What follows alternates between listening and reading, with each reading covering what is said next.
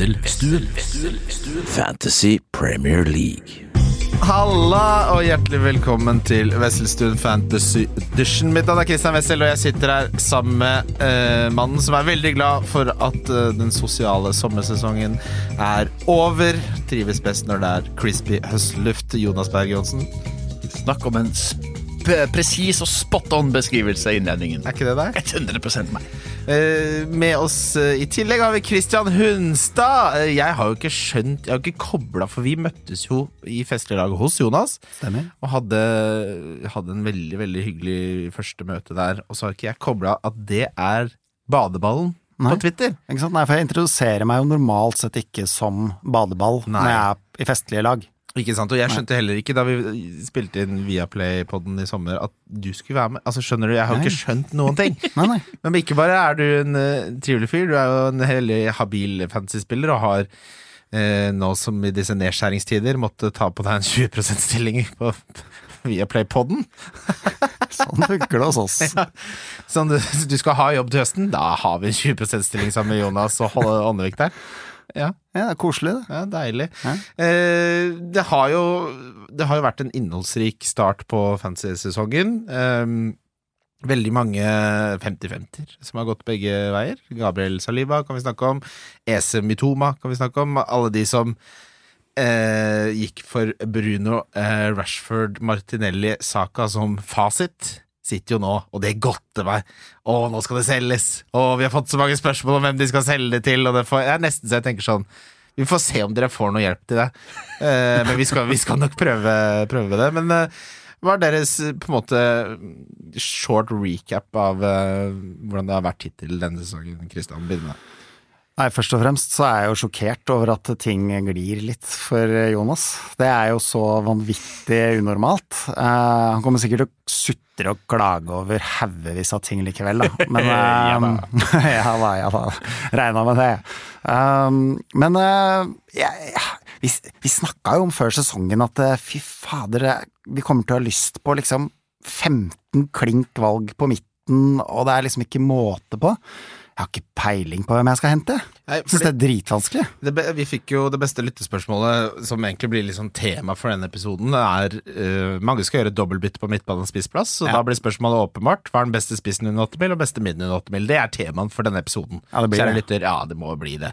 Uh, Ja, eller hva de som er i Gabriel-saksa skal gjøre og sånn. da. Ja, for, la oss ta den først, da. Begynne bak. Vi begynner bak eh, Gabriel Saksa, for jeg er jo i den situasjonen selv. Og, Ja, for du er ikke nerd nok til å sitte klar fem minutter før frist. Jeg skal fortelle deg en historie, Kristian Hunstad. Ja, vær så Eh, han eh, Andy, som eh, hva hadde den streamen Let's Stream Du er stor fan, regner jeg med? Nei, å fy faen. Du, visste det var ikke noe, det noe høyoddser at jeg ikke kan fordra han. Jeg satt, jeg hadde drukket, en, eh, drukket litt vin, og så satt jeg og så på livestreamen hans, for det liksom, man blir litt sånn content-sulten, da. Ser det meste. Og så eh, klarte jeg ikke å slutte å irritere meg over at han var, var såpass nervøs at han fikk sånn spyttelyder, for han var tørr i munnviken. Du vet hva jeg mener? Hæ? Ja. Så jeg sendte han en DM Nei, jeg husker ikke. Sendte han en DM. You have to uh, I, I love your content, but you have to drink some more water. It's really annoying. When you make those smacking sounds on the side of your mouth. Det var jo helt psykopat å si til noen. Men måtte, det måtte bli sagt, og etter det ble jeg blokkert. Så det- Nei, men det er jo, du ga han jo bare litt feedback, jeg ga jeg. litt feedback, var, øh, og da fikk jeg ikke med meg den streamen da, for å sitte og se på en sånn halvfeit øh, kar som ikke har sett uh, UV-stråler på fem år, bo, øh, snakke og sånn. Det er sånn det er så selv... Han, han er sånn Jeg, kan, jeg syns det er så utrolig lite øh, givende, egentlig, de analysene her, da. Ja, altså, hoveddelen av hans eh, stream, sånn som jeg har forstått det, aldri sett ett sekund av det, handler jo ingenting om det du egentlig trenger. Så jeg, sånn å sitte og, og dvele og holde på like før frist, handler kun om én ting for min del, og det er eh, lekkasjer av lag Ja. og nyheter, hvis det skulle være et eller annet. Hans eh, videoblogg er jo i all hovedsak ikke det. Det er bare en fyr som ikke har spesielt gode formidlingsevner, som sitter og skravler. Som er helt fint, folk får kose seg med det. Og så har det jo blitt til at han har vokst og vokst og vokst i dette mm, merkverdige FBL-universet som eksisterer der ute. Og det er også helt fint. Eh, Og så har jo hans kilder etter hvert også vokst, eller han eh, får folk som kommer til han og, og gir tips. Og det er også egentlig helt fint, og det gir jo en edge hvis du følger med. Det er bare at det irriterer meg skikkelig at lekkasjen hans kommer sånn tre, fire, fem, seks, sju minutter før frist. Denne gangen så ble det jo et problem for mange at, eh, at FPL-sidene uh, lagga også, så de fikk ikke gjort det byttet med Gabriel til Saliba da. Det har vært enda mer irritert, for nå var det bare at jeg ikke var i, i stand til å bytte fordi jeg um, holdt på med noe annet, og, og var ikke på, påskrudd like før frist. For jeg tenkte at det er ikke så mye som Jeg, jeg så det, jeg fikk det ryktet på Discord, og så tenkte jeg det gidder jeg ikke å tro på.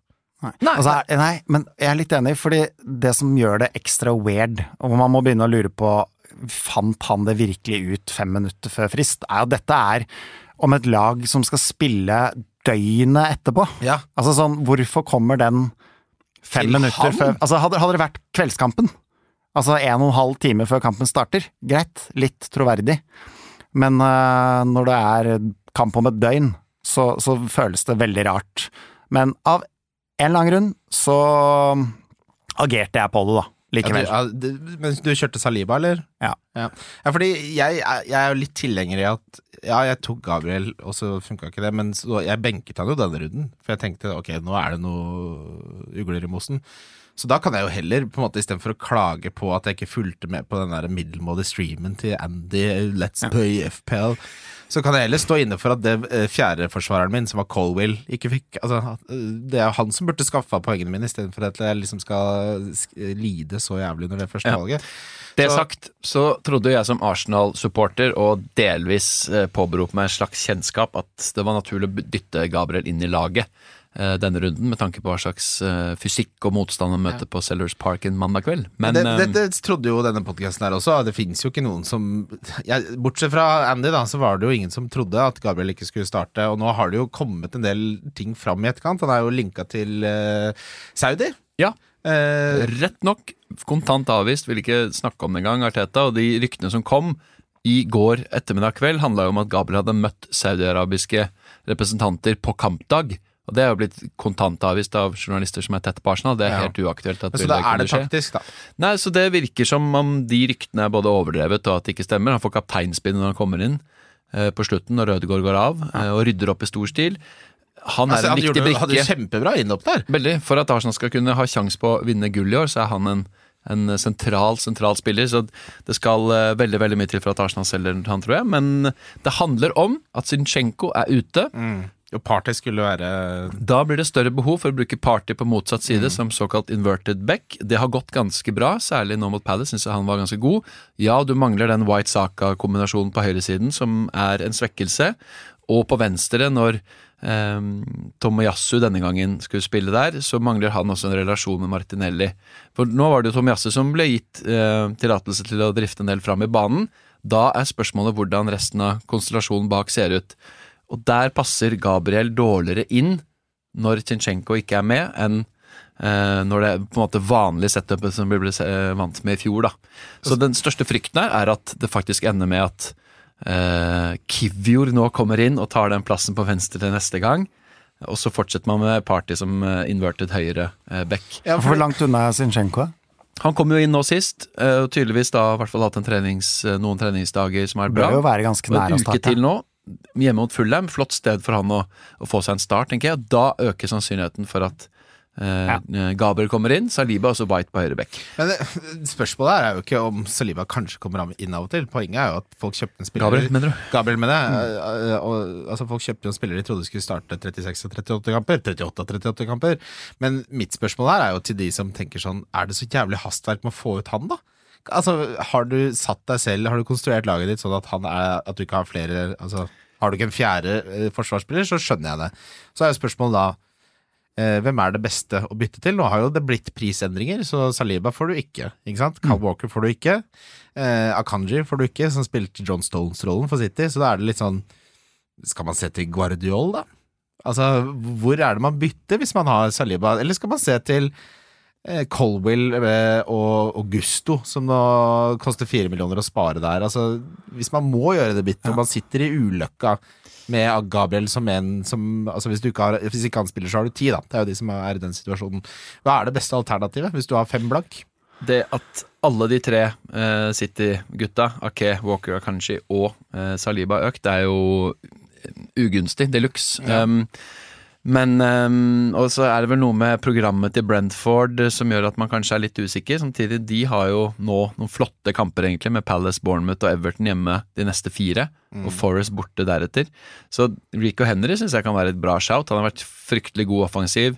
eh, fortsatt mye av trendene fra fjoråret. Så han er vel en som jeg har tenkt på. Men det er jo klart det er irriterende at ikke man henter hele halve millionen. Men, men vi må jo snakke om de defensive tallene til City. Det er jo helt borti natta hvor bra de er. De slipper jo ikke til noen ting. De har sluppet til ett skudd på mål eller et eller annet sånt. Ja. Det Nå har de kvært I fjor også så var det jo ufortjent mange clean sheets som røyk. Og så Altså, må de- vi jo si altså hvis, Jeg mener at vi ser en endring i dette City-laget. De er mye mer eh, mindre flair-orientert Det er mer på å ha ballbesittelse og bare kvele og holde nullen. Og da er jeg sånn da, Nå har vi jo flytta pepperruletten fra midtbanen til Forsvaret, da. Ja. Det, det, verste- det, det verste av alt er jo faen meg verre i Forsvaret. Han har jo brukt 3,5 milliarder på forsvarsspillere. Han har blitt helt forsvarsgæren. Pep Ja, klikka for han.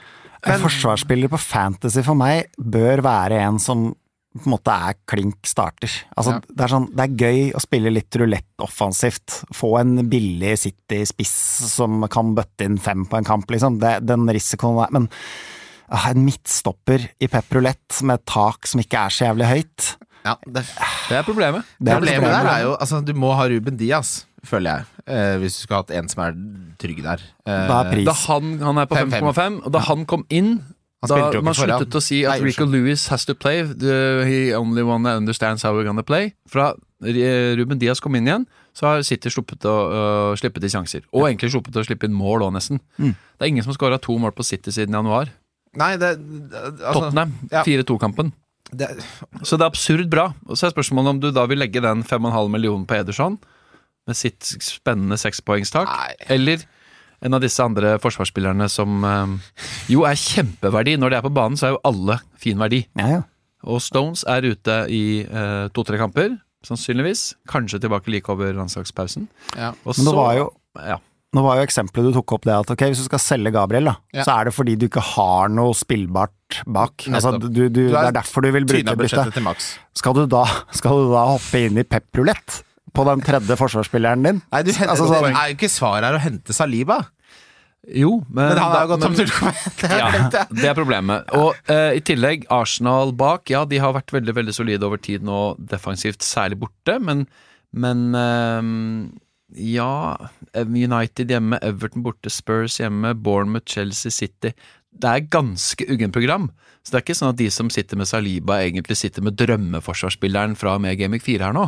Jeg, jeg, Så jeg tenker at jeg vil gå et annet sted. jeg lurer på om jeg hadde gått til Guardiola. Satser på det beste. Det er min livsstil. Ja, Og tenke at han eh, kommer til å spille det meste. Han Og, er, han er jo den be verdens beste i den posisjonen. Det Må jo ta, det er tiltro med Stones ut av at han får fortsette å spille. det er ikke det dummeste tipset. Nei, det altså. er ikke feil. Men Men, ikke men eh, igjen, så. Jonas var jo litt inne på noe sånn Henry, for eksempel, eller Colville, som du nevnte. Um, hvis du ser at den halve millen eh, blir kanskje ikke en full halv mill?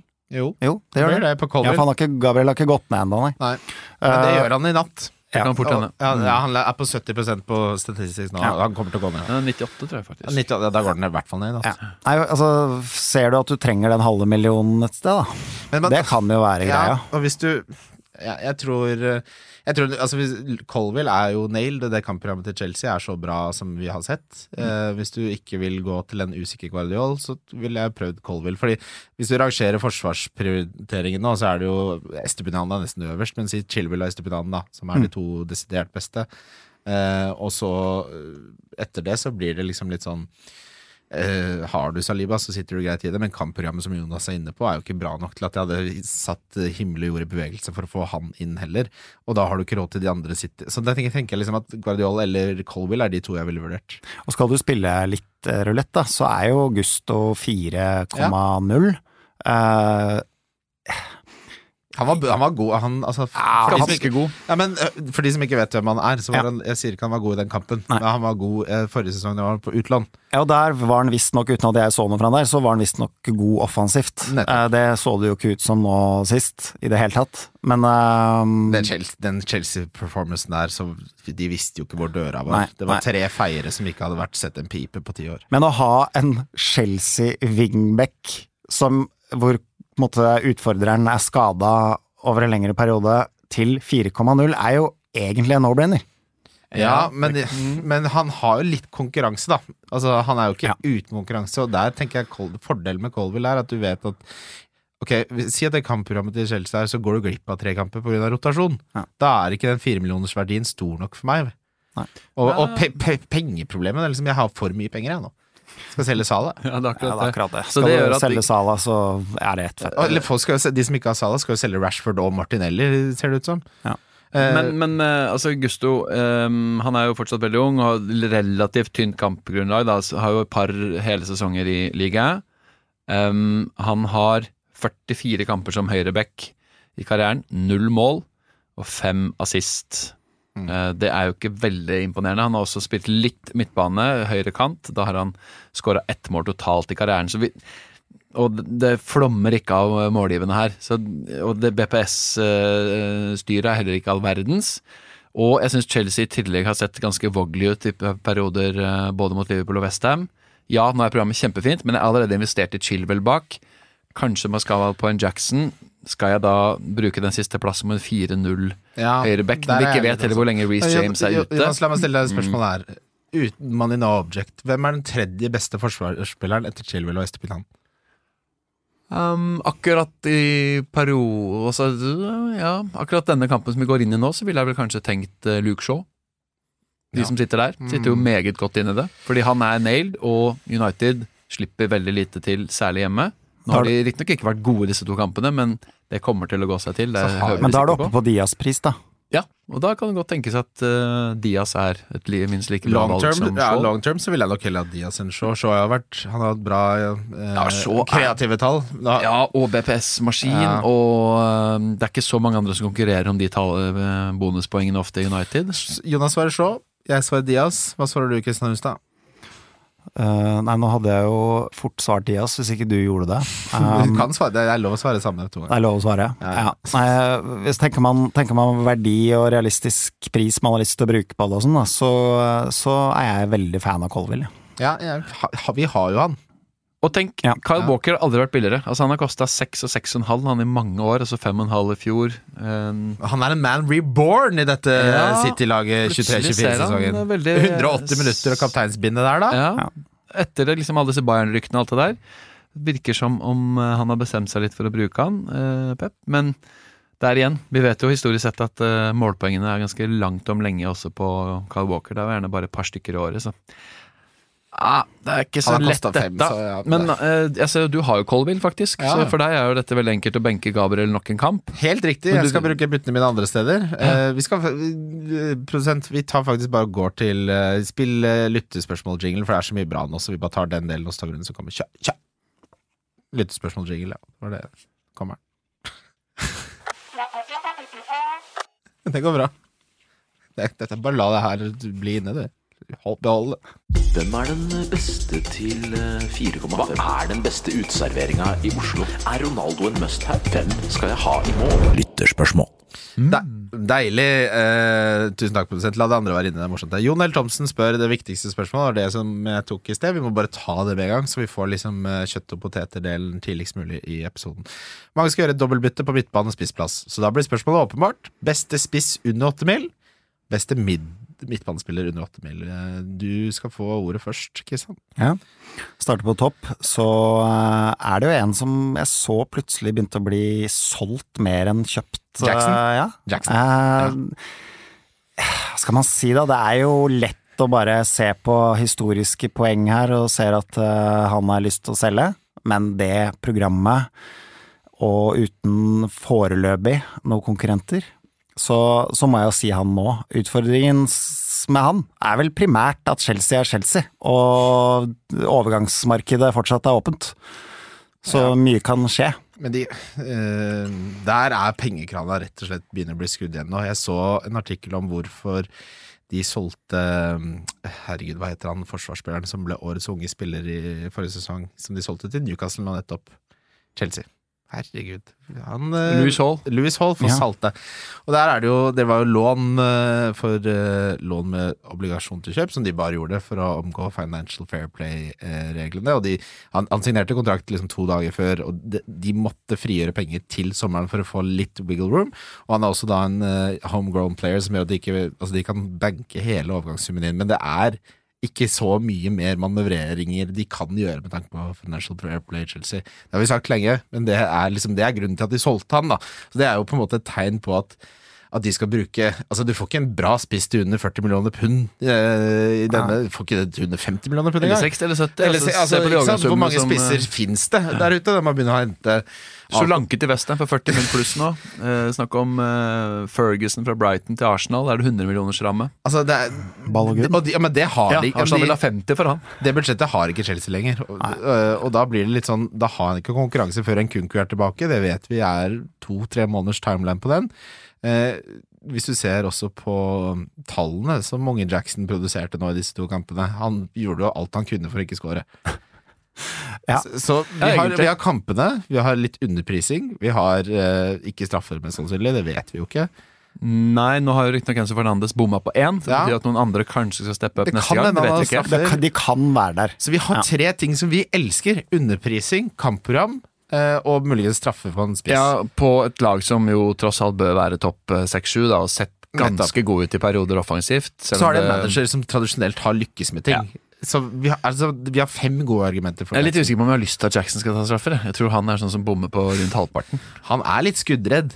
Det, og ballen treffer han, og han, liksom, det er så rotete, da. Hvordan han klarte å skåre et mål i snitt eh, på vårparten i Villarreal. Den, jeg skulle gjerne sett alle de skåringene der, men han eh, utskåra jo XG-en sin noe voldsomt i den perioden. Eh, Jackson er forresten den fjerde mest kjøpte og tredje mest solgte spissen Ja, det er eh, interessant. denne gameweeken. Det Ja, det, han, det, er litt sånn Han er en sånn typisk spiller som det det er, Han er litt kaos, og det er det noen som liker, og noen som hater. ja. Ja. Og så tenker jeg at det er de som ser på underliggende tall og alle de tingene vi snakker om, og så er det de som ser to ettpoengere. Og tenker nå er det nok mat. Ja. Men Eh. så er det også en annen spiller som er eh, blant de mest kjøpte, men også desidert mest solgt. Joao Pedro, som jo antageligvis sitter på en del lag. Ja. Hva gjør man med han? Du, vi skal kommer dit. Fordi, Nei, men altså, snakker vi om de beste spissvalgene. Ja, men La oss ta Joao Pedro, da. Fordi Ja. jeg er veldig komfortabel med å Fordi jeg har ikke tenkt å selge han for å få inn eh, denne spissen. Jeg har ikke landa på hvilken jeg velger, men jeg selger heller Mubama. Og så tenker jeg at Joao Pedro kommer til å få spille en del når Brighton er i Europa. Ja. Han er en fin benkespiller. 5-5 er greit å ha en sånn til å komme inn på. Han spilte jo bra i første kampen. Ja, nå kan du Nå har expected minus gått ned, han fikk et innhopp der, men forventa du mer enn han spillerte i 5-5? Nei, men klart når han scorer, laget vinner 4-1, og det går såpass bra i første eh, kampen der, så er det jo litt skuffende at han ikke starter bort mot Skuffende er Wolverhampton. det. Skuffende er det. Og når Enciso er BB der, eh, Mitoma og Mars ser ut til å være som million dollars, og That Guide Belbeck også er eh, en fyr som tydeligvis har fått tillit i begge disse kampene. Foreløpig med Ferguson da også eh, i bakhånd, så syns jeg jo at minuttene hans ser enda litt mer truende ut enn det jeg hadde håpa på da man Ja. gikk inn i denne sesongen, da. Men dette snakka vi om før sesongen, at Brighton kom til å bli eh, mye rullering. Plutselig er det Mitoma. Som, kan eh, som ikke spiller neste. Altså, sånn, det, det, jeg tror det blir vanskelig å spå De Serbi, på samme måte som det har vært vanskelig å spå Pep i alle år. Men- og da er fem og en halv Det er såpass billig at jeg også lener mot det. Jo, men, du, men du kan ikke drive og ha en spiller i elveren som får ett poeng eller null til. Jo, jo og med nei, men det, det som kommer til å skje, tror jeg, er at vi kommer til å se konturene av hvor, hvilke kamper han blir valgt. Men er ikke, det var helt umulig å spå de Serbi i vårsesongen. Da var det jo alle ble benka og hvilt innimellom. men til og med vårsesongen så hadde jo ikke Brighton noe å spille for, og det hadde mange spillere måtte teste. Ja, til en viss grad. Men det var jo De skåra masse mål og var et fyrverkeri, men det var helt umulig å si hvem som starta neste kamp likevel. men nå er vi faktisk der at uh, Det der med penger, da. Uh, skal du ha Sala videre, ja, så er penger en issue. Hvis du ikke skal ha Sala videre, så, så det er Du har da fint råd til å ha en million ekstra på benk. Det er riktig, men når skal du bruke Joao Pedro? Skal du ha han på benken? Skal skal du ikke spille han i enkle Jeg spiller han hjemme hos Westham. Spiller Ja. han hjemme Westham? Ja, men det, selv om det er høyst sannsynlig at han kanskje bare får 30 minutter. Jeg tror han får 70-80 minutter. Ja, hvis, du, hvis han starter, Altså Det så er det fint. Brighton-laget her er jo nesten sånn at altså, Du ser hvor mange forskjellige som har scora de første åtte målene, eller hva det, det er de har scora. Det, er det er jo åtte forskjellige målscorere, nesten. Bortsett fra March, da, legend, som Kim Hitler forresten har på laget. Tenk deg hvor sjukt det Ja, er. det er deilig. Men ok, vi, la oss svare på oppgaven her. Beste spiss til under åtte. Svarer du eh, Jackson? da- Jackson, ja, eh, svarer jeg Jackson, ja. Det er korrekt. Og så skulle jeg gå til midtbane, eller? Nei, ja, jeg vil gjerne ha eh? Jeg vil høre spissen til Jonas, og så vil jeg ha din nummer to. Ja. Hva er din nest beste spiss? Nei, det er jo han jeg egentlig skulle ha på laget, og som jeg hadde inn Vissa? eh, hele forbanna preseason. Eh, Det var Vissa. Ja. Det var planen min. Det er svingås. Så, så jeg skulle ha eh, Vissa og en seks og en halv midd var liksom planen. Og så når Pedro plutselig dukka opp som en sånn han må man ha, så ja. Men de kan aldri ta fra oss de sju poengene og, og Nei troen på livet etter Game Weekend. det det, er, det er riktig. Men, men, eh, men ja, da fant jeg en halv mil til, og så fjerna jeg en halv mil til fra forsvar, og så fikk jeg plutselig råd til en sju og en halv mil istedenfor, som har sett helt forbanna jævlig ut. Men Det har kosta deg litt, det opplegget der. Ja, så Vissa burde jeg jo selvfølgelig bare stått på. Men Men jeg fikk ikke noe Jeg fikk så lite støtte, Ja, følte jeg. Sånn, sånn, Når jeg snakka om Vissa, så kom det bare sånn. Ja, men eh, minutter, Men, ja men, men en Baum må jo, må jo også snakke som du vil ikke ha to fra Brentford i tilfelle det skjærer seg da etterpåklokskap. Det er sånt jeg ble møtt med. Men, Ja. men jeg hadde tenkt ja, jeg vil ha to fra Brentford. Jeg vil ha Vissa om Baumo. Palace, Bournemouth, Newcastle og Everton de neste fire. Tre av de hjemme. Det er, Det er jo vilt bra. program. Helt krem de la Ja, og han 6-1 er jo fortsatt ingen Masse skryt fra Thomas Herregud, Frank. Faen, Jonas er inne på noe. Du vil jo heller ha Vissa som tredjespiss enn Joe Pedro til 0-6 mindre. Mm, For eksempel. Men Få høre din, Jonas. Dine topp to altså, til under åtte. Eh, foruten de to, så er det vel eh, egentlig bare eh, Julian Alvarez jeg har vurdert. Eh, I all hovedsak på grunn av eh, mangelen på alternativer hos eh, Pep etter eh, Mares, Gundo og De Brøne exit. Da er det sju spillere som har noe særlig tillit til å starte, på seks plasser. Denne gangen var Bernardo Silva også ute med sykdom. Da var det ingen bytter på Pep gjennom 90 minutter mot Newcastle. Jeg tenker det er et kjempestatement oppover i korridorene. Dette holder ikke. De kjøper jo Um, Doku nå, han er here we go. Absolutt. Men han er en Tar tid.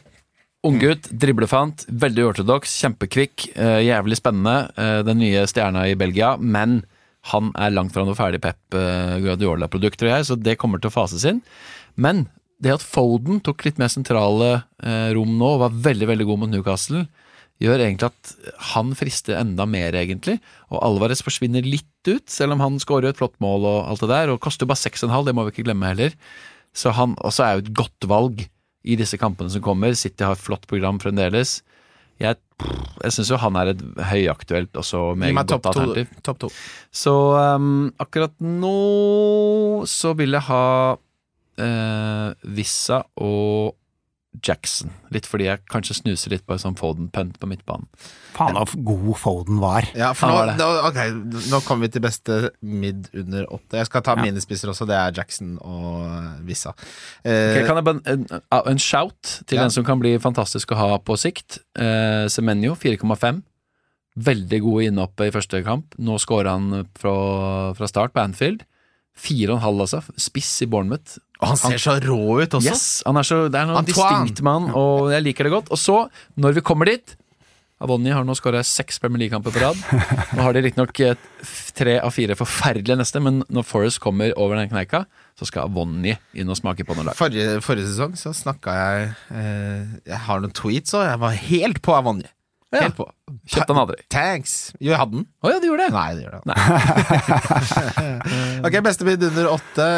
Um, jeg, vi snakket jo litt om Foden. Jeg har krangla litt med vennene mine, fordi jeg gjorde litt narr av de at de henta det inn da de så at han starta til Game Week 1. Så det er bra, det er gøy å planlegge i to måneder, og så får du én nyhet, og så agerer du en skuddredd hare. Eh, og så eh, sier jeg nå at han er det beste, for vi hadde en diskusjon her der, og så sier de ja, eh, hva har endra seg? Så jeg bare du kjære deg, det er ganske mange ting som har endra seg. Verdens beste midtbanespiller har skada seg. Han skapte sju eh, sjanser i én kamp som jeg aldri har gjort før. Han har fått tillit fra Pep på en helt annen måte, som skrøt ham på en helt annen måte, og han spiller en annen rolle. Det er fire vesentlige ting, det. Som har endra seg. Så bare De viktigste tingene som kan finnes i fantasy, har endra seg. Da er Foden et mye bedre valg. Ja, og så vet altså det er sånn, ja, Han er åpenbart så knallgod, og han løfter hodet og blikket og finner eh, Haaland og skaper sjanser. Og så vet du også at han han har det i seg å være litt egoist òg. Altså sånn, det er digg å ha en fantasy-spiller som du vet at det er noen av det sentra, så, så skyter han istedenfor. Ja, så jeg, min uh, rangering uh, er Jeg har han på nummer én, og så har jeg Jeg har jo ikke Mitoma, jeg spiller, så så det, jeg har Mitoma på nummer to. Jeg har ikke han. Men uh, Mbaumo og Mitoma ville jeg nok rangert likt som likt. Hvem Ja, er dere? Jeg sitter jo heldigvis med begge de to. Det er jo Del av den flyten i starten av sesongen innebærer jo å ha Tenk at jeg valgte EC over Mitoma. Det er bare med hjertet. Ja, um, og det gjetter på klokskapen, så vil jeg jo si at uh, det egentlig har sett ut som et bra valg på sikt, men at eh, Brighton skaper mer og har hatt motstandere som er uh, mer åpne enn det Sheffield United har. Nei, det Palace har møtt i starten, men, uh, men det EC-greiene, det kommer til å komme, det. Men det Um, venter ikke jeg på nå. Så Men Luis Diaz har jo også vært litt sånn samme bracket som Foden, da. Sju og en halv, litt usikker spilletid, tøff konkurranse på et vis, men starta begge. Ser ut til å være tilbake på sitt beste som før skaden. Involvert i veldig mye, og koster altså fem millioner mindre enn Mo Salah. Riktignok økt nå 0-1, men jeg syns jo Louis Diaz eh, Hadde det ikke vært for at det er litt sånn Det er ikke optimal timing hva gjelder program, så syns jeg jo at han eh, ville kommet veldig veldig høyt opp der. Og akkurat nå virker han jo som et veldig trygt og bra valg i eh, en Liverpool-offensiv, da. mm, gi meg din topp to, eh, Jonas. Eh, Så foruten de vi da har nevnt nå, så avventer jeg å se litt skaden til Madison, for jeg syns også han ser så utrolig revitalisert ut. Og de håper å ha han klar allerede til helga, er eh, rapportene som kom nå. Det virker kanskje litt for usikkert å gå den veien, da, men Spurs har jo også et kjempefint program med Bournemouth, Burnley, Sheffield United neste tre, hvor det hadde vært deilig å vært inne. Um, så hadde det ikke vært for den skaden, tror jeg Madison hadde vært eh, klar topp to. Og så spilte vel egentlig eh, Arsenal midtbanene jeg litt sånn ut av det i går. Um, jeg liker ikke hvor lite Martinelli på en måte får til med, med litt lite hjelp, kanskje. Det er mye som skal på plass der. Havertz langt unna. Ødegaard plutselig på straffe over saka. Nei, det syns jeg var Bare for å ta den straffesituasjonen, så sa jo Arteta at det var noe de bestemte på banen. Det var Saka som var den designerte straffeskytteren. Så, men når Ødegaard setter den, så blir jeg i tvil sånn, betyr det at Ødegaard tar neste, da? Altså, da blir det nok tvil til at Saka mister det plusset for meg. Ja, mm. sånn, definitivt. ja, flere som ikke har fått med det. Ja. Um, og Ødegaard sa jo til, um, til Kasper at uh, vi har ikke det, og jeg følte meg, jeg spurte om jeg kunne ta. Og, og Bukayo Saka bommet på straffe i sommer, bommet mot Westham i den avgjørende kampen i, i våres. Så kanskje, kanskje vi er uh, inne på et uh, paradigmeskifte her. I så fall øker jo Martins verdi igjen. Uh, men per nå, av de jeg er mest på hugget til å kjøpe, så er det nok Foden som ligger øverst, hvis jeg skal hente penger på midtbanen. Altså. Østad. Nei, nå sliter jeg med å være veldig original her, fordi eh, Foden ikke står øverst eh, for meg også. Det ble Eh, konsensus på Foden, faktisk. Ja, det, Ja. åh, og hvor mange Jeg skal, jeg skal, jeg skal hente Foden, jeg. Men- Jeg skal hente Foden for Sala. Men folk snakker om at han har vært en felle, men jeg, den store fella for meg i fjor, hvor sesongen begynte å treffe et skjær, var jo da Foden ikke kom med på wildcard i Game Week 8 der, hvor han hadde disse 35 poengene sine på tre runder. Eh, og så plutselig så var han ute av laget igjen, etter å ha signert ny kontrakt, så det er ikke så lett å vite med Pep, men nå ser jo konkurransen utrolig mye skrinner ut, og han har større register å spille på. At han både kan spille venstre, høyre og i den åtter-tieren. Ja. fordi- Så eh, Foden ser eh, To ganger 90 minutter, altså! Ja, Det, skal- det, er, det er høye odds, Det det. skjer ikke ofte, det. Jeg skal hente Mitoma, Foden og Jackson inn. Jeg tenkte det. Det er tre deilige bytter for minus fire. Litt minus fire der. Hvem ryker i tillegg til Sala og eh, fire-fem-spissene? femspissene? Es Nei, kanskje Rashford, faktisk. Jeg er mett. Ja, gjør du det, altså? Nei, jeg er ikke det. Det blir Ese, Ingen- Ese Sala og Jao Pedro ut. Jeg er jo der at eh, Jeg har jo ja, hoppa jo på Havertz, da. Eh, Ja, du, det er felle, det. Da Tenk deg de som satt og skrev artikler for Nettavisen og drev og snakka om at han skal være åtte år gud av meg. Å, fy fader, det er, vondt. Det er den største fella på lenge. Så, så jeg har jo egentlig, hvis jeg skal unngå hits, da, så har jeg tenkt tanken på å bare bytte ut Sala og Havertz, og så bare spille Pedro Ja, nå. Og så heller bruke de gjenværende pengene eh, neste runde igjen. Ja, Ser han Jackson en gang til. Ja, ser Jackson en gang til, fordi blir det en énpoenger eller topoenger til, og litt sånn rykter om ny spiss og bla, bla, bla, så da har du plutselig et salg eh, på trappene, da. Så, så, så Og da har jeg vært veldig sånn Den soleklare nummer to på midtbanen for meg, det er Madison.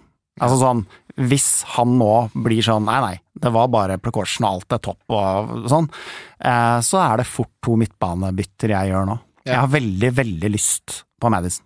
Men da dumper du Havertz før hjemme mot Fulham, Ja. hvor han nok igjen starter, og bruker begge byttene på en måte litt unødig. For da, da bruker du ikke Salah som melkeku for å hente en bedre spiss, sånn som er caset for veldig mange. Altså, så må- vi også nevne at av hittil av den lille sample sizen vi har, det, det definitivt dårligst laget defensivt er Fulham. Uten Joe Perlinja der, så er de ute og sykler. Så det er et lag å targete. Så Team Ream nå suspendert. Ikke at han er verdens beste forsvarer, men han fikk jo Kan ikke selge okay, Havertz, du. Men, men eh, ok, hør nå. Se for dere det scenarioet hvor jeg da gjør det der som nesten alle burde og kommer til å gjøre. Uh, henter Jackson og en midtbanemann. Ja. Eh, benker jeg da eh, Pedro hjemme mot Westham? Ja, det gjør du. Jeg spiller Havertz Ja. nok en gang. Ja. Ja, den er Når du, først har, når du først har reddet opp den senga, så får du ligge i den med full, Ja. mot Fulham hjemme. En 9,0 XGI. Ja, men altså Du må nesten gi det der én sjanse. Tenk deg hvis han får en 13-burger, og så sitter du og nettopp har solgt han, da. Jo, og det var noen som solgte Ødegaard nå til Madison før denne. Ja. Ja. Eh, så det Og så er det den derre det Her er det sånn det første i sånn, Jeg vet ikke om det står i fantasy-vettreglene til Franco, men det gjør det helt sikkert at å bytte friske, gode valg med gode kamper eh, mot en annen frisk med go altså, Det er jo sånne sideveisbytter som vi egentlig ikke er så glad i i Fantasy. Nei. Det biter deg fort i ræva. Og det var det jeg mente med den dobbelen der, at den høres jo egentlig litt unødvendig ut. For det er jo deilig å gå inn i Game 4 med to bytter òg, og være en av de som da faktisk gjør det. Nei, men altså To bytter Ja, hvis jeg havner at jeg vil spille Pedro, det eneste byttet jeg gjør, er da å selge Sala, basically. da Ja. Sala Til Madison. til uh, Til Ja, Foden Foden. eller eh, Madison. Nei, jeg ville henta Jackson før Luton hjemme, altså. Ja. Det, Jeg kommer jo ikke til å klare å, å ikke bruke en free transfer på det. Nei, yes. Men Nei, nei. som uh, Finn Solli, legenden, uh, pekte på her, at det er ikke nå eller aldri med Jackson. For hvis du står av Luton, ok, kanskje du går glipp av at han endelig får de to måla sine, 13 poeng, kommer i gang. Surt. Men da vet du i hvert fall at yes, da skal han inn, fordi programmet de neste fem er også ypperlig. Mens du risikerer, som du sa, å kjøpe han nå mot Luton, ta seg til 68, fordi det har vært en ny, ganske puslete forestilling og mye rart. Og så er han helt ute i det blå hva, hva egentlig Jackson er for noe i Premier League og i Chelsea og i FPL. Ja, for han skårte vel ikke mål uh, i sin tidligere klubb før Nei, vårsesongen? Han fikk en Nei, Han, Han har, er jo veldig ung, har spilt lite, og så kom han mer og mer inn i det i Villarreal og hadde en vår som ingen så komme. Jeg husker jo at han var veldig nære å signere for Bournemouth i januar. eh, På en permanent overgang. Men apropos, eh, apropos Finn Solli, da. Eh, er det én som bare alltid har kjørt det trauste ABC-veien trygg, Faen, er Finn trygg- Solli? Nei, det er han som på en måte har gjort det best som nordmann eh, over mange, mange sesonger. Han er vel høyest på den All of Fame-lista av ja. norske gubber. Så, så, og, og- den åpenbare ABC-en denne runden her, det er jo fire og en halv spiss ut for Jackson, Sala eller en annen ned til eh, Foden, eh, kanskje Madison, hvis man har lyst til det. Ja. Det, det, det er det, det, er åpenbare. Ja, og og det ser veldig greit ut på Ja. papiret, det. Eh, Så er det bare for noen av oss, da, den Gabriel-kvisa, hvor Botman plutselig er inne i elver hvis jeg skal benke Gabriel. Ja, Men det gjør det ikke, da du spiller jo Gabriel. Ja, men han får jo disse énpoengerne sine når han kommer inn, da. Hvor mange poeng skal jeg tape versus Saliba? Altså, Bare, bare ikke starten, da. nei, det kan, men Botman hjemme mot Liverpool syns jeg ikke Ja, er er- så svært. Jeg tror altså, Liverpool kommer til å score, selv om jeg tror Newcastle kommer til å vinne. Og um, det er jo liksom forskjellen nå på nå Jeg ligger på 200 og et eller annet tusen, som er veldig bra, det, fornøyd med det. Men hadde jeg hatt Saliba istedenfor Gabriel, hadde jeg vært nummer 40 000. Hadde jeg hatt Mitoma istedenfor Havertz, skal vi begynne er, der? er, nei, men sånn det, Du tok et bevisst valg, på en måte. Når Jonas begynner, hvis jeg hadde gjort det, så hadde det vært 30 000. Så skjærer jeg gjennom. Eh, det finner jeg meg faen ikke i. Charlie Kronstad spør trenger topp tre amerikanske viner. Har lett gjennom utallige podder for å finne Wessels i Pinot Noir. Du, jeg har bytta litt toppliste. Oi. Om Charlie. Nå er nummer én det er Avbon Klimat. Isabel Pinot Noir 2019. Den koster 700 kroner, det er den dyreste. Den har de på Carl Berner så du, hvis du bor i Oslo. Eh, den kan 700 bestille- kroners vinner han, da. Ja, nei, men går Jonas godt i, ja, vi må i nevne, jeg, mellomlederbransjen. jeg, Det går godt nok til at jeg ikke drikker dårlig vin, i hvert fall. det, kan, jeg- det kan jeg si. Jeg kjøpte jo, jeg, som tradisjon tro, så passet jeg leiligheten til Jonas litt i sommer, og drakk litt vin. eh, Ja, det, det, som Jonas Tradisjon tro, så drikker han også litt fra vinskapet. ja, eh, ja, for jeg hadde lyst på en god vin. Ja, ja, og, og, og så skulle jeg Så dro jeg til Tønsberg og hadde en fin helg der. Og så hadde jeg liksom en dag før jeg skulle til Hellas klokka fire på natta dagen etterpå, hvor jeg måtte kjøpe igjen vin som jeg hadde tatt av Jonas da. Og jeg fløy eh, fra pol til pol før jeg tenkte at jeg kan jo ikke prøve, å kjøpe igjen det han hadde. Jeg må bare dra på litt. Så jeg håper du har kost deg med noen av de vinene jeg har kjøpt. For det var Jeg tror jeg kjøpte et par-tre mer enn det jeg tok. Flotte pinot noir, absolutt. Og det er jo min foretrukne, og USA, og vi deler jo veldig mye av det der. Men Ja. jeg har faktisk vært så lite hjemme, og ikke hatt eh, Nei, og heller ikke anledning, fordi jeg vil drikke en sånn eh, Kose deg. god pinot noir, både med rett selskap og til eh, rett tidspunkt. Og nå kommer vi til øya, kalde, altså. krispe tida. Nei, for eksempel. Godt, veldig godt bilde på hvor de der ikke bør. Men, Eh, men for å ta hvorfor jeg anbefaler den, sånn, hvis du vil ha det perfekte eksempelet på hva som gjør en pinot noir god, så kjøper du en 700 kroners eh, vin. Du trenger ikke å drikke den til mat heller. Du bare kos deg med den, og husk for guds skyld at den skal være 18 grader. Hvis du serverer den romtemperert, så blir jeg rasende. Eh, mellomsjiktet så skal vi til eh, Hirsch Nei, det koster mer. Hirsch eh, Wine den koster 800. Ja, Nå tar vi det gode.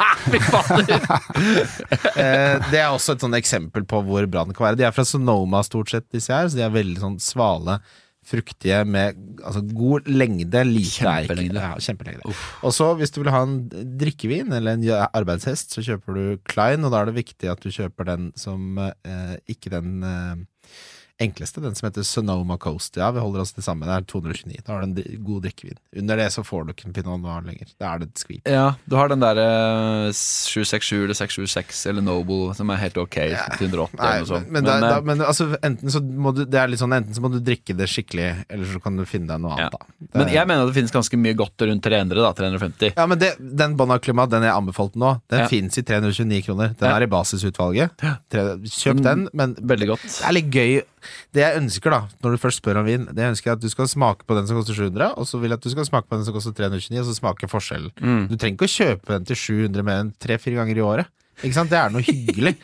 Den andre er drikkevin. Ja. Jeg vil anbefale en eh, Jeg syns Sjugg har et par gode ting. Ja, er det er god. Sonoma. eh, både 300 og 400. Eh, hva annet er det vi har, da? Det er litt sånn mer lekne ting. Land of Saints, kanskje. Ja, den er streit. Det er, det er en bestselger av en grunn. Min go-to er eh, dra på polet, finne Italia og plukke noe eh, norditaliensk til en par hundre, 250, og så er jeg happy, ass. Ja, ja det, men det, folk er forskjellige. Definitivt. Og det, eh, og jeg har nå i tre-fire måneder diskutert pinot noir med en dame på Tinder som jeg ennå ikke har møtt. Men vi bare Har en bra vinsmak? vi hiver pinot noir-tips til hverandre. Ah. Og så så jeg henne på Øyafestivalen. Oi, og så sa du ikke jeg? Jo, jeg gikk opp til henne og så sa jeg Hei, pinot noir! For jeg hadde glemt litt hva hun het. Det var, ja, ja, ja, hyggelig. Var det Caroline eller Kristine? Og så var hun der med tvillingsøstera si. Det var full forvirring. Det er en sketsj, det. ja, det var Men da ble vi enige om at eh, vi også skulle sjekke ut um, Pinot Noir-utvalget i uh, seriøs vinbaravdelingen på Øya. Ja. Vi kom aldri så langt til at eh, vi fikk gjort det sammen, men vi har stadig vekk eh, en eh, date gående. Og den, hun er veldig glad i den Biricino. Ja, George den, Pinot den bøffa jeg fra deg. Det var akkurat det. Eh, og, den, og den hadde hun tipset meg om på Ja. forsommeren. Så drakk jeg den i sommer. Og, og så spurte hun meg bare to måneder etterpå Har du drukket noen gode det siste. Tipset jeg den tilbake. Det syns jeg var litt, var Ja, det er. Men den er også veldig god. 380 kroner. To siste tips her. Beste vinlisten på amerikansk vin finner du på Way Down South, for alle ting. Oh, der er er Manageren der er kjempeinteressert, og der er, der er det en asiatisk sommelier som eh, ser litt sånn ung Han er fra Kina. Eh, ut. Asiaten fra Ja, Kina. men Vi var der nå sist og fikk liksom bare dritbra anbefalinger. Så det er god grillmat der, men du kan også bare da gå og ta Du trenger ikke ha den der enorme grillfettede maten, bare dra dit for vin. Det er tips. Nå Ja. vi gå videre. Martin oh, Barhaug spør hvem er den beste manageren å intervjue postmatch i PL, Jonas? Og hvem av dem hadde gjort seg best som gjest i Wesselstuen? Men tror dere, hvis dere skal komme med noen forslag, hva jeg ville svart? Jeg uh, Postmatch jeg, Det, det er riktignok et par dark horser her, fordi han ene jeg tror hadde vært absolutt gøyest Joey Barton. Joey Barton. Ja, Han er jo ikke manager i Premier League, og er han manager noe sted? Joey Barton. han hadde han har- garantert vært jævlig morsom å ha i Wesselstuen, i hvert fall. Han har vært manager for et eller annet, han? Ja, han har Han har vært i forsøkt Premier seg. League, er- jeg svarer ikke på oppgaven. Jeg skjønner Nei. Um, men akkurat nå, han har jeg aldri møtt, så er det jo Ernst Postekoglu som uh, er øverst på lista. Oh, I han ser kul ut. form av alt, liksom. Alder, han ligner litt skjegg, på meg. hvor han er fra. Ja. Han har til og med, inntil denne sesongen, hatt en uh, langtgående tradisjon med å spille FBL med kompisene sine, som han nå for første gang har trukket seg ut av. Han er veldig sansen for. Utrolig, Han virker fantastisk. Um, og så hadde det vært jævlig eh, fint å ha en helkveld med, med Thomas Frank. Ja, Han liker- også, han er- Litt sånn vibes på de gutta. Ja, Han kan kose seg med glass rødt og leve litt livet, i tillegg til at han er selvfølgelig fotballfaglig helt uh, nerd. Og alle disse fotballmanagerne her har jo 1% av noe galskap. Han er der òg. Men med den danske liksom lynne ispedd, Ja. de kan kose seg, danskene. Så han hadde eh, tenkt at det hadde vært fin å ha. Ja, deilig. Hvem var du, Kristian? Nei, nå er det jo Jeg blir jo solgt på de når du sier de. Eh, Men eh, når jeg eh, Når jeg, først, når jeg fikk spørsmål her, så, så tenkte jeg egentlig at jeg syns det sånn- virker som en utrolig interessant karakter. Litt sånn Pep Vibes, men litt mer bad boy i Di Serbi. Ja. Uh, Ja, ja.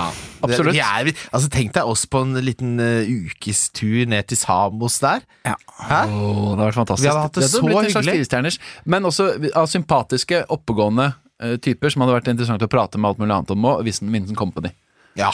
Han er, en- han er helt han er litt sånn BSU-avtalegiro-type. ja, litt, sånn Ja, Brede, litt Brede Hangeland, Ja. men han er en fryktelig fin Ja, type. Og jeg har veldig. Hangeland-vibber av Company. når, når du bestiller Fernet der, så er han sånn Nei, nei, nei. Og det, det kan jeg ikke ha. Ja, han er som en sånn veldig safe best man, liksom. Så ser jeg, han er stabil, og han, han lager et bra utdrikningslag og sånn, men han er Det ikke blir ikke noe gøy. Han står ikke opp på bordet. Og Det er paintball og løkkefotball og ja, Ok, eh, Vi går videre til eh, tre kjappe her fra Rasmus Wold. Hvor håpløst er det å selge Bruno før Forest hjemme? Det er, Han vel- det er midtbanespilleren med høyest XGI-involvering omtrent hittil, eller? Jeg, jeg ville ikke gjort det. Nei. Det er for gode underliggende tall og for bra fixture til å selge han. Men hva skal vi si da til de som sitter på Saka, Ødegaard, Rashford, Bruno Fernandes?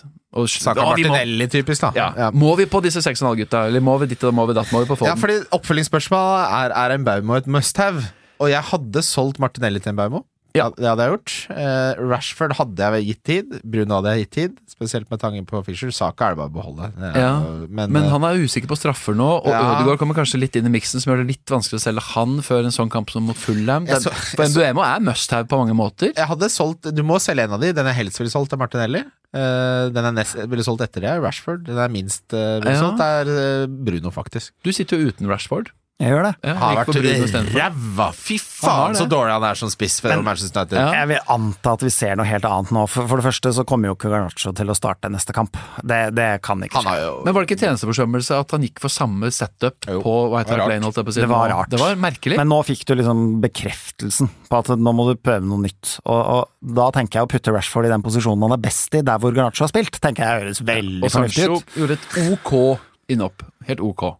Og så, så er jo spørsmålet da, hva pokker er det du skal stille på topp? Men ja, hva enn det er som plasserer Rashford Rasmus Høylund, da. Få han inn i Det ryktes at han pusher skikkelig for å komme eh, klar allerede til helga. At han eh, jævlig, skal inn i ja. troppen. Men uh, han er jo ikke klar, da. Altså, vi har jo sett fra Rashford at han har det i seg, og vi ser på tallene til Bruno at han har fått sykt dårlig betalt. eh, Og Martinelli har ikke fått dårlig betalt, han har gjort seg egentlig litt bort på mange måter.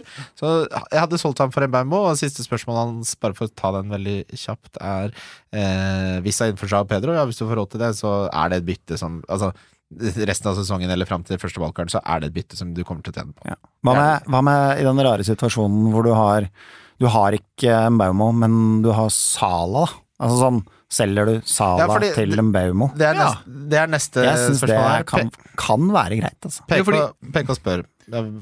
Hvilke tanker har dere om Sala? Ikke sant? Beholde eller selge? Jeg skal selge. Uh, og så er spørsmålet Fins det noen argumenter for å ikke selge Sala? Um, at det er Salah. At han over tid kommer til å ta veldig masse poeng. Ja. Og at uh, Liverpool som sent som i våres slo Newcastle borte 2-0 etter en litt snodig fotballkamp. Ja, Da folk fikk tidlig rødt kort og sånn. Men, men uh, han skal jo ikke kapteines på lenge, og du skal ha argumenter for, så det Ja. er litt vanskelig. Nei, nei, men, men for det, jeg syns ikke det finnes noen gode argumenter Nei, det de gjør egentlig ikke noe lenger. Okay, la, meg, la, meg, la meg komme med et argument for, da. Ja, for- eh, alternativet er jo veldig fort å sitte der med en tre-fire mill. i banken. Det gjør ikke noe. Sånn, nei, men, nei, men altså, da, da sammenligner du for eksempel da Sala og eh, Vissa, da, for å si det, eller Jackson. Eh, og Nei, Sala og Pedro, for eksempel. Ehm, og ingenting i bank. Eller en 7,5 mid og Vissa eller Jackson og masse penger i bank. Så nesten så blir det sånn Sala mot Foden, på en måte. Altså, Ja. Spørsmålet er hvor du får brukt de pengene hen, som er Det tror jeg ikke blir så veldig vanskelig. Nei, det kom- Trippier skal inn i miksen, ja. og ditt og datt etter hvert. Er. Og, og vi er der at eh, hvor lenge kommer vi til å sitte med Joao Pedro som tredjespiss på benk i hver eneste kamp når han er veldig usikker? Jeg, Dette er en det blir sesong alltid en pengeutfordring Men det var noe argumentet for, da. Ja, det var det. Og det argumentet skjøt vi ned. Eh, vi skal videre til eh, Vi må faktisk ta rundens spillere, vi. Det ble, ja. Ukas kaptein den er bankers. Jeg dunker Kane. Mener du at han er billig? Rundens spillere. Jeg så gjennom, Vi hadde masse andre lyttespørsmål, men alle gikk på samme tematikken. så det er veldig deilig. Jeg føler at vi har besvart uh, godt. Bare siste. Hvem selger du helst av Rashford eller Salah hvis de hadde kosta det samme? Oi, Bare på performance. Jeg hadde Hvis det hadde kosta det samme, Ja. la oss si at begge hadde kosta Salah kosta 9,5, da. jeg hadde solgt Rashford. Jeg, jeg syns Ja. Sala ser mer spennende ut enn Rashford. Bare Hvis sånn, hadde er eh, Altså, han kunne fort hatt veldig mye mer på de to rundene. Oh, altså, han, har, han har et par eh, ja, fempoengere, da. Eh, Men ok, la oss si, ikke bomme på den straffa. Få en straffe Ja. ekstra. Være noen centimeter lenger bak på det offside-målet. Det, er- det er ikke langt unna at vi sitter der nå og tenker sånn, faen, etter Newcastle, hvordan skal vi få på Sala? Ja, sant det. Det er veldig sant. Ok, Rundens kaptein Ja, faen, det kampprogrammet er jo digg også, etter Newcastle. Rundens kaptein eh, er nok en kjedelig affære. Haaland på alle tre, vil jeg anta. Yes. Eh, hvem er deres visekaptein, er mitt spørsmål da. Jeg går nok for um, Saka hjemme mot Fullham, tenker Ja, det- jeg. Trygt og godt. Ja. Det er det full, minuttene. Fulham-fixturen som um, Ja, skal men altså, Mitoma er et bra alternativ, Mbuema er et decent alternativ, Rashford eller Bruno Fernandes er et decent alternativ, osv. Jackson er et bra alternativ, han kan fort hende at får visekapteinbindet hvis jeg kjøper han. Så jeg syns egentlig det er ganske mange her som uh, kommer til å gjøre en god runde. ja. Ja, for hvis du tenker at uh, Foden blir visecapt, da, så da betyr det jo at Haaland ikke spiller, og da er spørsmålet om du vil ha Foden som cap. Men hvorfor betyr det at Haaland ikke spiller? Å ja, nei, Ja, sorry, jeg, er ikke, jeg, jeg er ikke dum i hodet. jeg tenkte sånn taktisk, ja, kan jo spille sammen, ja, Okay. Eh, bra, da eh, på differential så jukser jeg, og jeg svarer først. Phil Foden har 10,9 eierandel. Uh, Det er rett utafor reglene, men de bryter vi hele tiden her på Vestlandsbyen. Hvem er din diff, eh, Kristian? Nei, min diff blir jo da Havertz, da. Nå du, tenk å sitte og diffe med Havertz! Og så blir det enda 0,00 XG mot Fulham hjemme, da. Oi, oi, oi. ja, men han blir jo per altså, Hvis jeg kjører den der Foden Jackson-greia, og så har jeg jo templet uh, forsvar og Ja, det blir Havertz, da. Ja, deilig, det. du har et par andre kanondiffer òg, f.eks. i uh, Solly March. Fantastisk sesongåpning. Herregud. Fortsatt eid av veldig få. Vi snakker nesten ikke om han. Eh, Det som jo i utgangspunktet er litt merkelig. Mange sitter jo med tre Brighton, det er vel litt av forklaringen. Og, og 6,5-sjiktet er jo proppfullt av gode valg, men eh, han er jo et kjempevalg. Men hvorfor tror du vi undersnakker han? Jeg tror Jeg det er for fordi han er litt traust og litt generisk, så folk tenker Mitoma er liksom litt spennende og litt uh, eksotisk. Men March er jo bedre. Nesten, alle i. Brighton har du noe sånn derre Ok, han er supertalent, han er fra Sør-Amerika, Han han, er fra Japan Han fant du på gata, og så er det Solly March, liksom. Og gutten som eh, brant den straffa da Brighton røyk mot Man United i semifinalen. Brighton, born and raised omtrent, ass. Vært der i 100 år. Ja. Eh, jeg har litt sansen på han, men uh, minuttene hans også er ganske trygge. Ja. De var litt, u, eh, litt opp og ned på vårparten da alle fikk kjenne på det, men eh, nå er det bare ikke plass til han, rett og slett. Det er vel litt det, kanskje, men uh, Kim Midtly er en snik. Ja, det, men det, jeg synes Marcha er veldig bra diff. Undersnakka og egentlig helt i ånden til denne spalten. 8,3 Ja. Eh, men jeg vil også kaste inn Bowen der. Han kommer til å være et bra, solid, steady Eddie valg. Eh, Brighton slipper til ganske mye. Det har de gjort nå først mot Slipper Luton, og så mot Wolves. Ja, ja. Og Jared Bowen er 90-minuttersmann som klokker og tikker, han. Og det er Brighton og Luton i de to neste, men så er det litt Tenk tøffere. deg hvis han hadde tatt den straffa mot eh, slutten der. Da hadde, vi, da hadde vi alle sammen sittet og prata om Bowen. Da hadde han sittet på en 18-19 poeng han på disse to første kampene. Men som en, altså en, et diff-valg å gjøre for meg uh, Altså Havertz blir jo litt kødd, det har han. Uh, men uh, et diff-valg er jo bare å hente en annen spiss enn Jackson. Altså sånn, Jeg vet ikke hva eierskapet på Alvarez og Rissa er. Alvarez har begynt å bikke 7,5 nå. Du kan si Alvarez, da. Jeg syns Ja. vi har avfeit avfeit han litt fort også. Ja, nesten. Ehm, og så Fordi Watkins er oppe på 25 vet du. Ja, Isak 27% Det er, sånn, det er nesten litt undersnakka hvor my mange som har vært, eh, kommet seg på Isak nå. Selv før City borte kjøpte jo folk han. Folk så bare på Ja, han- Scores, Er, absolutt. er han eneste som har gått opp 0-2 òg, eller? Ja, Estepinian Nei, Chilwell. Nei, Estepinian- og Chilwell. Chilwell og sånn. Mm. Men hva var svaret ditt? Det ble Alvarez. Alvarez, ja. Billigspiller. eh, Begynner med deg der, Jonas. Billigspiller, hvor billig skal du ha det da igjen? Eh, På forsvaret så er det eh, under fem. På Ja. midtbane så må vi si under seks Da vil jeg ha. Rico Henry. Oi. Ja, faktisk. ass. Han eh, har jeg så sansen for. Koster fortsatt 4,5, og Fictures er helt strålende. Oh, jeg syns det ser bra ut. Jeg tar, jeg tar Vissa der, må nevne han. Jeg bare for i hvert fall har nevnt Ja. det et eller annet sted. 6-1 er fortsatt uh, såpass billig at uh, de tallene, underliggende tallene, sånn som han spiller sammen med Baumo, hvor satt det laget er med Crystal Palace borte, som riktignok er mer solid under Hodgson, selvfølgelig. Det så du jo i Arsenal-kampen også, men han har gått langsiktig valg som er underprisa med ja, 0,9, da, nå som har gått opp. Dere tar to av de mest åpenbare, en i forsvar og en i spiss. Eh, prøve å finne Det er ikke en konkurranse i å være mest original. Det er for om å gjøre Um, best mulig råd her, Kristian. Nei, men eh, jeg skal bare tenke litt, da. Midtbanemann under Ja, ja. Jeg får, merker du at det er med vilje, jeg får, jeg får, jeg får jo det den blir hver gang så himler takknemlige det med over øya. Eh, ellers er det bare at uh, dere tar selv ordet raskt for å slippe å havne i den situasjonen. At du bare må grave Jeg- jeg- Det er det jeg har gjort med siste 300 episoder. Øh, Jeg skal si først. uh, hjelp meg litt, da. Midtbanemann under eh, 6,5. Uh, Fins det noe? Ja, det- Enciso, fem og en halv. Men uh, minuttet er selvfølgelig veldig usikre, da. Men han er jo Ja. fantastisk, da. Um, Du kan stå altså, Altså, sånn, åh, hadde, bare, hadde bare Enzo scoret på den straffa, Ja, da kunne så kunne vi liksom ha, ja, det, ha vært der og. Men snakka. altså, det er forsøkt å skulle ha en sånn Enn så lenge, i hvert fall. Uh, Nei, men det- ok, uh, gå i forsvaret, da. Ta Magin, da. Ta Magin, fem og en halv. fy fader, så god han er. Ja. Ja. Ta Magin mot Burnley. Ja, Hæ? herregud. Da ville jeg heller kanskje hatt Diaby.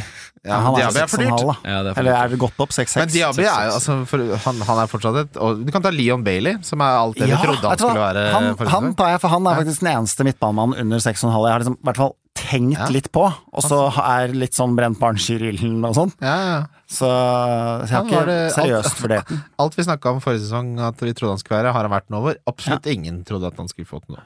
1,3 har eid han, da. Eh, ja, den er fin, den. Ja, ja, er tenk han er en morsom spiller, da. Han var i Leverkusen. Han var en kremspiller. Men vi snakker altså om en spiller som ble huka til pause eh, på St. James, og så fikk han 62 minutter nå. Da tok han riktignok av hvilte en del, fordi han har Hibernian i Men det er derfor han koster fem og en halv. da. Det er riktig. Eh, dunk, dunk, som eh, Håkon Lange kaller det. Eh, han dunker spillere. Vi donker de, eh, eller vi sier en spiller vi ikke har tro på. eh, altså som er eid av flest mulig. Her er det lov, her er det litt konkurranse, Kristian. Du skal få lov til å få æren av å begynne på rundens donk i din uh, debut i Wesselstuen Fancy Edition. Åh, det er gøy. Uh, som er høyt eid.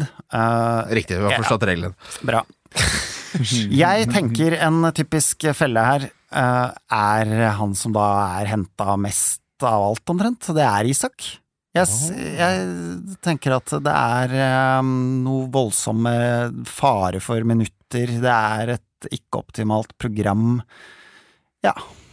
Fin en. Jeg tar eh, en spiller som eh, har overraskende høy eierandel, med 24,8% som ikke er på straffe, selv om han trodde det. Nå blir han også huka etter 73 minutter om dagen. Ollie Watkins. Ja, skulle til å si det samme, faktisk. Han um, hadde jeg solgt. Ja. og så Kai Havertz, min donk. Hva slags eierandel har han? Han har ikke så veldig høy eierandel, så det er kanskje ikke så bra.